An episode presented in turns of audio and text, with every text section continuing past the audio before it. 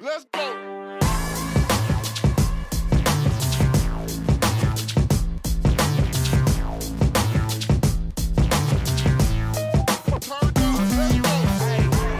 Sælverið og velkomin í taktíkina. Í dag ætlum við að fjalla um ísokki. Tímanbilið er farið af stað og við ætlum að skipta þessu alveg svo ísokkileik í þrjá hluta, sleppum pekkinum og förum á stað. Hérna er ég komið með framkvæmtastjóra SA í settið. Velkomin Jón. Takk að það fyrir. Núna voruð þið uh, að spila í Lísisbyggarnum, uh, það sem er alveg algjör nýjung í ísokkíinu. Hvernig fannst þér það hefnast? Uh, þetta hefnaðist ágætlega fyrir okkur. Það er hérna unum og það er náttúrulega það sem við viljum gera en, en það sem kannski mesta, mestu máli skiptir hérna eru, er undirbúningurinn og, og við erum að fara í Evrópakeppni þannig að það var gott að fá sérst tvo leiki á tveimu dögum, tvísvar af því að svo erum við að fara til Búlgari og spila þrjá leiki á, á þreimu dögum þannig að undirbúningurinn var góður upp á það að gera mikilvægi leikir fyrir okkur svona að snemma á tímbilinu Nú eru byggarnir hérna SA megin, bæði kalla á og hvenna megin, Íslandsmyndartillanir eru báðir hérna á, á Akureyri. Uh, þið farið í leiki á móti ESU á síðasta tífambili, vinnið alla þrjá leikina og verið Íslandsmyndarar. Síðan dregur ESA liðið sitt úr keppni og er ekki með í ár. Þetta er svolítið sérstök staða. Já, eða, þetta er náttúrulega hægilegilegt eftir sjá af ESU að þetta var liðið sem við erum búin að vera að keppa við í rauninni síðustu þrjú árin. Þessi lið hafa mæst síðustu þrjú árin í úrslitum þannig að það er mikil missir á þeim. Þetta var, þetta var sterkt lið og, og, og hérna, semti skemmtilega svip á deildina. Þannig að það er bara, já, liðilegt að missa þá úr mótfjörnu og, og hérna, en já, staðan var bara það, þannig að þeirri vildu hafa barnastarf og það er ístíma skortir á Íslandi uh, í öllum höllunum og það var ekki hægt að finna lausna því þannig að en, en, já, já. En þessi leikmenn sem eru að spila fyrir ESU, þeir, þeir hætta ekkert, þeir færa sig bara um, um set. Hvernig meturu deildina fyrir þetta komandi tífambill? Sko ég gerir ráð fyrir að bæði SR og Björnin verði sterkari. Bæði lið hafa fengið þarna, leikmennin hafa skipst svona nokkuð jamt á milli klúbana að ég held sko. Margir uppaldi náttúrulega í þessum, eða flestir í klúbunum og þeir eru farnir aftur í sin heimilið þannig að það e, gerir það verkum að Björnin og SR verða með meiri breytti í vetur alveg klárlega. Og, og hérna, átt það kannski vona því að það verði, verði jafnari leikir? Já, ég gerir ráð fyrir að þetta verði bara allt mjög jafnir leikir í vetur að svona fyrirfram virðist vera að, að liðin verði nokkuð jöfn að Lísbyggirinn gaf kannski ekki alveg rétt að mynda af þessu það sem að liðin bara reynilega kom ekki með sín sterkusti lið hérna norður og, og þannig að það er svolítið erfitt að, dæma um það en, en svona með við leikmannahópana að, þá eru liðin með mikla breytt og, og, og öll með fjölmarga landslýsmenn og þannig að hópanir eru sterkir klárlega. Hvenna meginn á síðasta þjómbilið þá var úsleita leikurinn Ymbiris leikur, ásýnur á móti innjum og ásýnur tóku, tóku þann titil. Eh, núna tefliði fram einu liði hvenna meginn á móti einu liði að, að sunnan. Hvernig Hvernig sér þið fyrir tímanbilið hvenna meginn? Uh, ég gerir ráð fyrir að ESA verði með nokkra yfirbörði þar að svona segja svona eiginlega sjálft að þau hefum saman um tvö lið, sterk lið að þá verður það mjög sterkt lið og meðan Reykjavíkur lið var í vandraðum með bæði liðinni fyrra og, og, og hafa ekki styrt sér mikið þannig að það verið erfiður róður fyrir liði Reykjavík vissulega sko og, og og nema komið til að þeir getur náttúrulega ennþá bætt við þessi leikmenn, deildin er ekki hafinn, hefst ekki fyrir enn held í oktober þannig að það getur ennþá komið erlendi leikmenn eða, eða hvað sem er gæst sko. Þannig að það verður komið ljós en, en allavega liðið, ákvæðarliðið er virkilega stert. Yfirbrytið hvernig meginn hafa verið gríðarlegar og maður sé að núna það er gefin út uh, landslýshópurinn og það eru hvað 15 frá SA í, í 30 manna hópi. Já, það er náttúrulega hokkið hérna hverna meginn, það bara þróaðist hérna undan. Það þróaðist hérna mjög hratt fyrir um 15-20 árum og kom mikið að stelpum inn og síðan þá hefur bara nýliðinu verið rosalega góð. Og, og það hefur bara vantað í klúbunum í Reykjavík, það hefur ekki verið mikil áhersla lögð á það að byggja upp hverna, hverni íþróttina og, og eins og yngri flokkunum núna hjá ESA að, að það er náttúrulega jafnmargir yðgjendur sem eru stelpur og, og strákar alveg úr byrjendaflokkum í öllum hópum. Þannig að, þannig að það er eðlilegt að við séum með nokkra yfirbörði því við erum með svo svakalega marga yðgjendur Og maður skynir líka ákveðin uppgang og uppseiflu hérna fyrir norðanna að heimsmeistaramót hvenna er haldið hér. Já, og það var náttúrulega eh, bara glæslegt og, og, og flott að fá þetta í hérna klubin. Það hafa verið haldinn heimsmeistaramót á Íslandi einhver 7-8 skipti áður en all, öll í Reykjavík og, og loksins fengum við að halda eitt mót og skemmtilegt að það var einmitt kvennamóta því að þetta er svona eiginlega mekka kvenna ísokísis á Íslandi hérna og, hérna stelpunna margar að spila heimaðalli þannig að það var náttúrulega alveg, alveg bara frábært. Síðan saman hafa gefið nút listið þetta í Kanada yfir topp 10 ísokki í borginnar og, og þar var Akureyri á lista með Helsingi og Malmö. Þetta er nú ekki amalegt. Nei, þetta er náttúrulega bara, já, þetta er ótrúlega stóri viðkenning fyrir svona hockeysamfélagi á Akureyri að, að fólk erlendis eh, hefur tekið eftir í að þetta er svona, það er svona alvöru hockeykultúr hérna og menning hérna inn í innbænum að félagið er svona, þetta er alvöru hockeyklubur og, og, og bara virkilega skemmtilegt að, fólk erlendis frá takja eftir þessu og, hafa komið mikið af erlendum gestum, gestaliðum og komið hérna til Akureyri og þau hafa bara reynilega heitlast af bæði bænum og, og, klubnum og hockeymenningunni sem er þar. Og mikið af þessu liðu kom bara ár eftir ár eftir ár og finnst þetta bara toppurinn í þessu, þessari hockeyferðamennsku að koma til Akureyrar. Nú þekkir þú þetta mjög vel líka sem leikmaður, ert leikmaður hjá, hjá þessa hérna, vikingum. Uh, hvernig finnst þið þróunin hafa verið í Ísokínu hérna fyrir norðan síðan þú byrjaði að ræfa? Hún er náttúrulega svakalega hröð og, og og hérna í rauninni hafa sko, hefur þjálfunin verið, það hefur virkilega vel verið staðið að ráða góða þjálfara og, og það er nú kannski grunnirinn aðeins öllu og svo hefur þetta bara byggst hægt og róli upp. En það er rosalega munur frá því því ég byrja fyrir hérna um 20 árum uh, þangar til í dag sko, þetta er, þetta er ótrúlega breyting.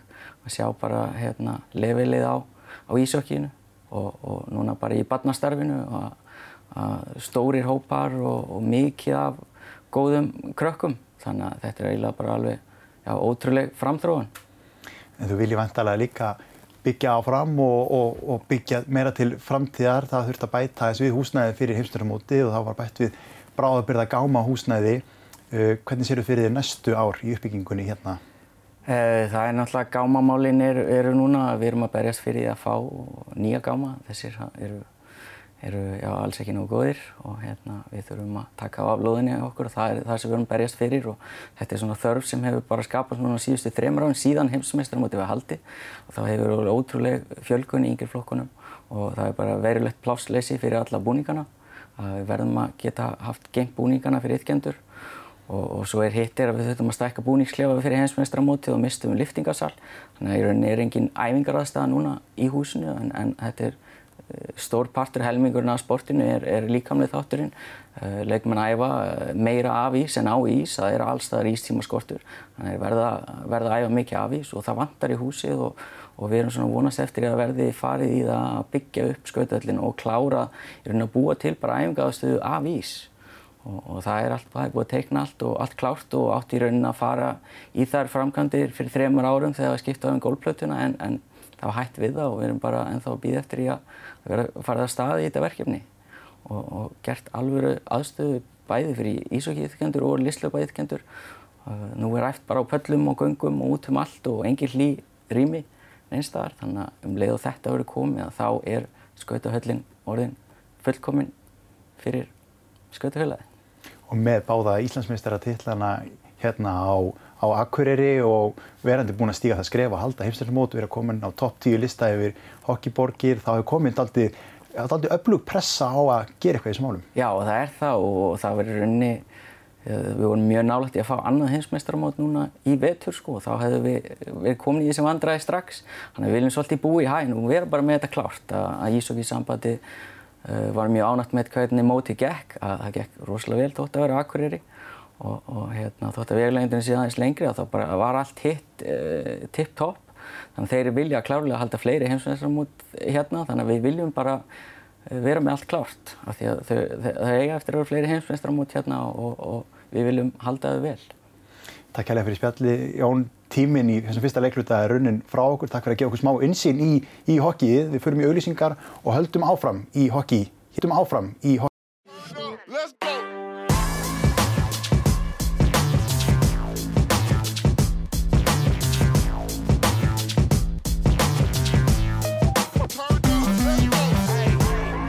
Þá byrjum við annan leikluta. Hérna eru komin til minn leikmenn mestrarflokks SA í hokki. Velkomnir. Takk fyrir það. Það var byggjarkefni núna uh, Lísisbyggarinn í fyrsta skipti. Hvernig var svona ykkar upplöfun af því? Það voru svolítið stóri sigrar.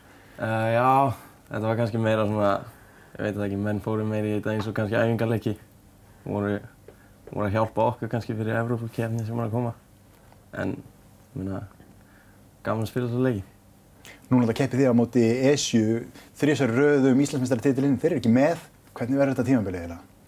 Það verður öðruvísi en náttúrulega deildi núna verður þá kannski aðeins sterkari svona heilt yfir, jafnari þar sem að leikmenni þeirra skiptu svona aðeins á milli þá verður það bara jafnari deildin og hún bara hörkuleikir, allir leikir og skemmtilegt bara Næsta verkefni ykkur, Evrópudeildin, hún verður gríðarlega erfið, bara svo við segjum það alveg eins og það er. Já, við búumst alveg við því.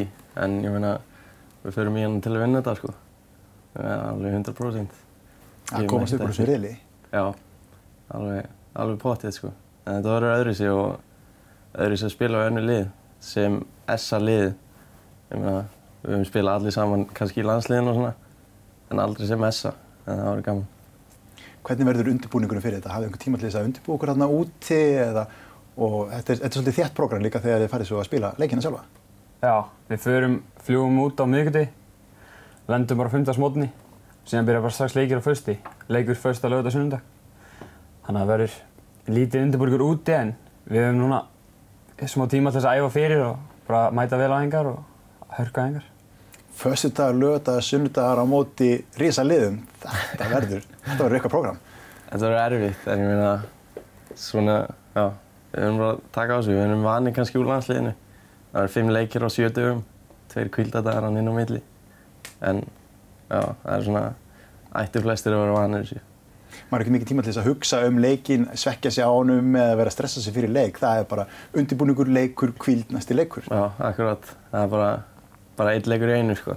Og síðan bara, þegar hann er búinn, þá er hann búinn. Klukkutíma eftir á, kannski hugsa um hann. En síðan búinn. Og þið stefnir alltaf að fara upp úr þessu riðli. Hvað, hvað þýðingu hefur það að fara upp úr svona riðli í þessar kefni?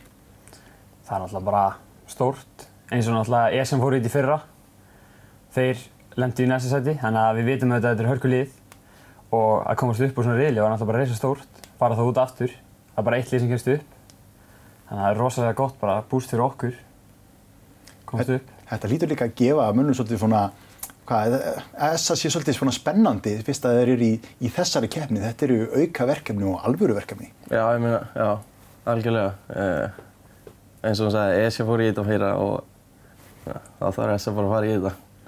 Og fyrir þá sem standa sig þarna úti, þá er þetta, þá er þetta standað á stóra sviðinu og lið sem taka eftir, þannig að það eru bara hellingstækifæri, sérstaklega eins og fyrir ykkur sem eru ungi leikmenn hjá liðinu. Já, já, algjörlega. Það er bara, maður þarf að sína sig, gefa allt í þetta. Nú fórst þú út að spila í, í Svíþjóð, hvernig, hvernig fannst þið svo upplifum þeirra? Uh, já, ég er búinn að fara náttúrulega tvísar, sko, en það er alveg öðru í sí, en skemmtilegt hokki, sko. Og, já, í rauninni, já. Eru tækifæri í þessu fyrir unga strákar sem eru að byrja að æfa núna? Uh, sko, ég- þetta er í rauninni, þetta er engin atvinnumennska, en þetta er öðru sig, þú veist, já, fá að spila svona, fá að spila á önnu lið, bestu unga, ungu gæjana í Svíþjóð og það er mjög mikið reynsla og mjög gaman, sko. Nú er hockey gríðarlega stórt svona á heimsvísu og, og það eru náttúrulega miklu peningar í þessum atvinnumannabransa.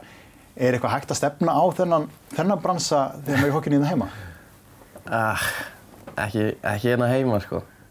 En, já, engir atvinnumenn kannski.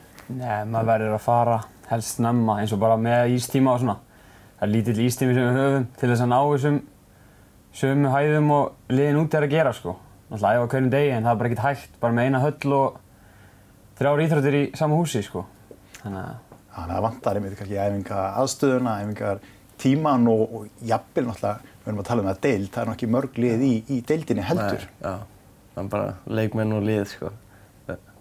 Miklu fleiri lið sem hún spila við. Þekkir ekki alla sem hún spila við. Það er svona öðru sí. En Íslandsmeistartitilin, hann er hérna á Akureyri, hann að stefna hlýtur að vera sett á það að, að verja titilin eða sækja hann aftur. Alltaf. Hverju ári.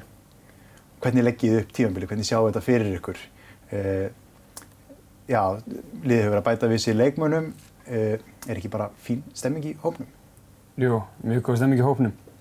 Líka svona þetta voru fínt að byrja tímanbili á svona nokkur leikjum áður en þetta fyrir út, en þú veist, þetta hópurinn er mjög góður og við erum, við erum margi núna þannig að það verður bara spennandi og já. Lýsibíkarinn gaf kannski ekki alltaf rétt að mynda af þessu tímanbili sem að uh, má. Ma, já, uh, bara ekkert nógu gott kannski en minna, við þurftum þessa leiki og gott fyrir okkur. Við, við hugsaum ekki um hinn liðin sko. Já, maður lítur að vilja fá fleiri leiki, þetta er náttúrulega hvað, þrjú lið sem er að spila þannig að allir leikir eru pluss. Já, algjörlega. og í deildinni hérna núna eru bara 16 leikir yfir all, allan veiturinn það er náttúrulega ekki mikið að leikjum. En það var bara bættist við fjóri leikir og síðan alltaf þrýr í Európa-kefni þannig að þetta eru vonandi fleiri ef við komumst upp um reyðlunum þannig að þetta verða nokkru leikir en væri fínt að hafa fleiri Það er hraði og það er spenna og það er harka í þessu sporti þannig að maður myndi ætla að þetta, þetta er áhörndasport, klárt. Já, algjörlega. Ég held að ég hef aldrei heyrt um neitt sem hefur komið á hockeyleik og finnst það leiðilegt. Fær alltaf spennu, alltaf eitthvað að gerast. Nógu mörgum, tæklingum. Sérstaklega koma í húsi sko. Jú, jú, gaman að horfa þetta í sjónvarpinu en ef þú kemur í húsi og sér stemminguna og ef það náðu mörgum þá verður alveg stemming og, og finna þetta svona þegar þetta kemur. Hvernig finnst ykkur núna að vera, nú ert þú að koma heim frá Svíþjóð, hvernig finnst þér aðstæðan vera hérna á Akureyri ef þú berð þetta saman? Um, mér finnst það í rauninni alveg gott sko. Það er, við fáum alveg ístímanu sem við viljum og bara barnastarfið er gott hérna. Það er í rauninni ekki til að kvarta undan, höllin er góð. Hefur þetta breyst eitthvað síðan að þið byrjuði að æfa hokkið, barnastarfið? Já, algjörlega. Eftir að við fengum hana Söru Smæli heitir hún. Hún bara gjörbreytti í sko. Þegar ég var að byrja þá var ég kannski bara að æfa með tíu strákum eða eitthvað. En hún er bara hundra krakkar fleiri á æfingum í viku. Hvar er svona Ísland statt á þessu heimskorti hvað varðar hokkið? Svona eins og við horfum bara á eins og landsliði þá er kallalið í annari deild eða ekki? Já. Þannig að, og það eru þá í svona fymta reyðli, eitthvað svolítið, með við efstu deildina sko, þannig að þetta er kannski, er alltaf hægt að komast mjög herra og við náttúrulega stefnum alltaf á að komast upp sko, upp í herra level. En já, eins og ég segi, kannski svona fymta reyðli, eitthvað svolítið. Mér finnst þetta að vera þróast sko. Ungi leikmenn sem er að fara út og landsliði verður bara betra. Betra og betra er að þeir koma. Og náttúrulega núna, þetta næsta verkefni, Evrópuleikirni, þetta verður gríðilega skemmtilegt og við hljóðum að hvetja til þess að fylgjast með ykkur og senda ykkur góða ströma þannig út. Já, það væri mjög gaman ef það væri fylgst með þessu og fjallað um þetta. Já, þið komið klálega aftur í þáttinni þið komist áfram, ég lofa ykkur því. ekki, ekki það. Herðu, takk kærlega fyrir spjalli. Tíminn er runnið frá okkur núna, þannig að við kíkjum í, í auðlýsingar.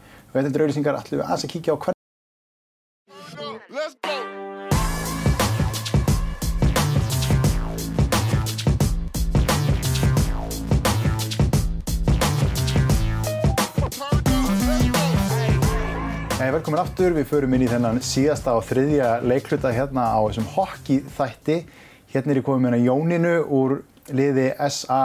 Já, SA núna, það er ekki ásynjur og innjur. Nei, ekki ár. Núna eru bara tvö lið í, í deildinni. Já. Þannig að þetta verður, þetta verður daldið öðruvísi. Já, frekar. Það verður ekki sama keppnin og, og við vorum með síðustu 2-3 árin. Eiginlega aðal, eða mesta keppnin var milli SA-liðina, Ásynja og Inja. Enda í landsliðinu hafa verið um það byrj 16 leikminn úr skautafélagi Akureyrar. Og það eru svona um 20 leikminn alls, þannig að það segir svolítið mikið. En núna í ár þá hafa nokkri leikminn frá Akureyri skrási í Reykjavíkuliði, þannig að við erum vonast til þess að, að það styrkist og gamli leikminn, eða gamlir, við skulum segja leikminn eru komni tilbaka úr fæðingarólofi og, og svona í Reykjavík, þannig að við erum að vonast til þess að það sé að styrkjast. Þetta verður svolítið einhæft. Síðast tímabili baráttunum Íslandsmeistaratitilin var á milli ásinja og innja er un innbyrðisleikur hjá ESA. Það hefur verið aldrei sérstatt líka. Já, það er mjög krefjandi. Eh, Sérstaklega því að flesta dagar vikunar eru við að æfa saman og, hérna, og svo eigum við að mæta sem anstæðingar svona nokkru sinnum yfir, yfir tímabilið og síðustu tvö ár hafa reynd mikið á okkur. Sérstaklega því að við erum að spila móti vinum en það er alveg hörð barátta því að hvorugt liði vil, vil tapa. Og sérstaklega 2017 þá tapaði ég í fyrsta skipti í svolítið mörg ár Íslandsmeistarartillinum og það var undarlegt að Essa var Íslandsmeistari en ekki ég og við eldri stelpunar en við skulum segja að við höfum hend okkar núna í vor og það snýrist alveg við, við deil, deildamistarar 2017 og það er Íslandsmeistarar innjöfnar og bara í mjög spennandi og flottum, flottum úslitaleikjum og sama var í ár, þær örðu deildamistarar en okkur tókst að taka Íslandsmeistaratitilinn en svo sögðu við bara stopp. Það er miklu skemmtilegra að mæta á æfingar og við erum sem eitt lið en ekki tvö. Af því það er alltaf á millokkar inn í klefanum og inn á ís þó að við sínum það ekki en það er alltaf pínu tókstreita. En núna er hún alveg farið. Núna getum við bara verið liðsfélagar og, og undirbúa okkur fyrir leiki og, og fyrir þær stelpur sem eru í landsliðinu þá eru við að undirbúa okkur líka fyrir það. Þannig að nú eru við miklu meiri félagar heldur en síðustu tvö ár. Og það skiptir líka máli að því að svo kemur landslið, landsliðsverkefnum sem segir meir hlutin af leikmennunum er úr, úr SA þannig að þið þurfið að fara að vinna saman og, og þá er þetta alltaf erfitt mitt að vera búin að vera í harði baráttum Íslandsmeistaratitilinn innbyrðis. Já. En þú, þú hangir ennþá inn í, inn í hópnum, landslýshópnum. Já, ennþá já. Ég, er, ég get alveg verið mamma leikmannana. Síðastu voru var ég 37 ára og yngsti leikmaðurinn 16. Þannig að ég hef alveg tök á því að vera móðir margra leikmanna. Þetta er frikar, nú er það bara þannig að við erum með marga leikmenn, virkilega góða leikmenn sem gætu verið að fara að spila Erlendis á næstu árum og, hérna, og þeir eru ungar og mjög efnilegar og góðar og ég er eiginlega bestu leikmenninir okkar á landinu. Og, en þær þurfa nokkra reynslubólta og, og ég er hægt að eiga börn þannig að, að ég hangi ennþá inni. Og, hérna, og við erum annað nokkra sem erum komur að segja, yfir 25 og yfir 30 sem að náum að hafa reynsluna, höfum farið þá oft út með landsliðina, við getum svona aðeins miðlað reynslunni en þær eru svona með tæknina og, og flott, flottu skotin og mörkin og alls konar svona en við kannski náum að spila svona leikreinslan og svo leiðis, náum að hafa það þá með og, og þannig að þetta svona hefur góða, svona, já, góð samsetning held ég bara. Lítur að vera daldi krefjandi að alltaf setja upp tímabil þegar það eru tvö liði deildinni hérna heima uh, og meiri hlutinu landsliðinu er í sama liðinu mm -hmm. og þurfa svo að mæta gríðarlega sterkum liðum annara þjóða á heimsverðstamótum. Mm -hmm. hvernig, hvernig fer maður að þessu? Uh, ég held að maður þurfa að hafa bara rosalega mikið metnað. Ef ég tala út frá sjálfum mér þá lifi ég fyrir hokki og ég bara anda og borða og drekka og allt það bara hokki. Ég hugsa bara ok, nú þarf ég að borða af því að það er æfingi kvöld og maður þarf að hafa gríðarlega áhuga, mikið vilja, mikið metnað. Uh, við erum það heppin á Akureyri að þjálfarar og bara umgjörðin er mjög sterk og góð í kringum okkur. Þau hafa ekki bara deildin í huga heldur, hafa líka framtíðina og einmitt landsliði í huga. Þannig að við erum að spila á móti strákonum sem að skell okkur ansi oft. hérna, en þá erum við að fá að spila hraðara hokki og bara erum með krefend og góðar æfingar. Við förum í ræktina til þess að halda okkur í formi því að það er ekki nóg að mæta bara á ís. Maður þarf að, bara eins og allir topp íþróttuminn vita, það er ekki bara eins og það er hjá Þór Káa eða, eða í handbóltanum í Káa Þór og blakinu og í rauninni sama hvað íþrótt það er. Ef þú ætlar að gera góða hluti þá er ekki nóg að mæta bara á æfinguna, það er auka æfing sem skiptir máli. En þetta er vissulega erfitt og þú þarft að hafa eitthvað vilja og, og þú þarft að hafa eitthvað hérna svona inn í þér sem heldur þér gangandi og berði áfram því að það kemur alveg fyrir að maður hugsi bara oh, það er sundarskvöldi, ég nenni ekki á æfingu en þá hugsa maður ok ég ætla, ég þarf að komast í landslið eða mig langar í landslið og mér langar að vera með, hvað þarf ég? Og þá þarf maður bara að vera með sterkam vilja og, og gríðarlegan áhuga til þess að halda áfram. Og einmitt eins og það að, að fara inn í tímabil, þú veist að þú ert að fara í úrslitaleikin, þú veist jafnvel að þú ert að fara að vinna titilin á þannig tímabili byrjar. Mm -hmm. uh, yfirbyrjun hafið þannig að þið hafa verið að vinna leiki með meir en tíu marka mun maður þarf að setja sér kannski einhver önnur markmið til þess að halda sér gangandi út í gegnum tímabilið. Já, það er þannig. Við reyndar, eins og ég nefndi á þann, þá eru breytingar hjá Reykjavíkuleginu sem að lofa góðu. Þannig að við erum kannski ekki alveg vissar um, en aftur á móti voru við að saminja tvö sterkustu liðin á landinu sem merkir að við erum núna með eitt rosalega stort, stert og stort og gott lið. Við erum með þannig 20 leikmenn sem eru eiginlega bara allir, þeir eru allir á landslýslista og hérna þannig að ég held fyrir okkur er það svolítið þannig að við erum að horfa meira kannski til lengri tíma á landslið.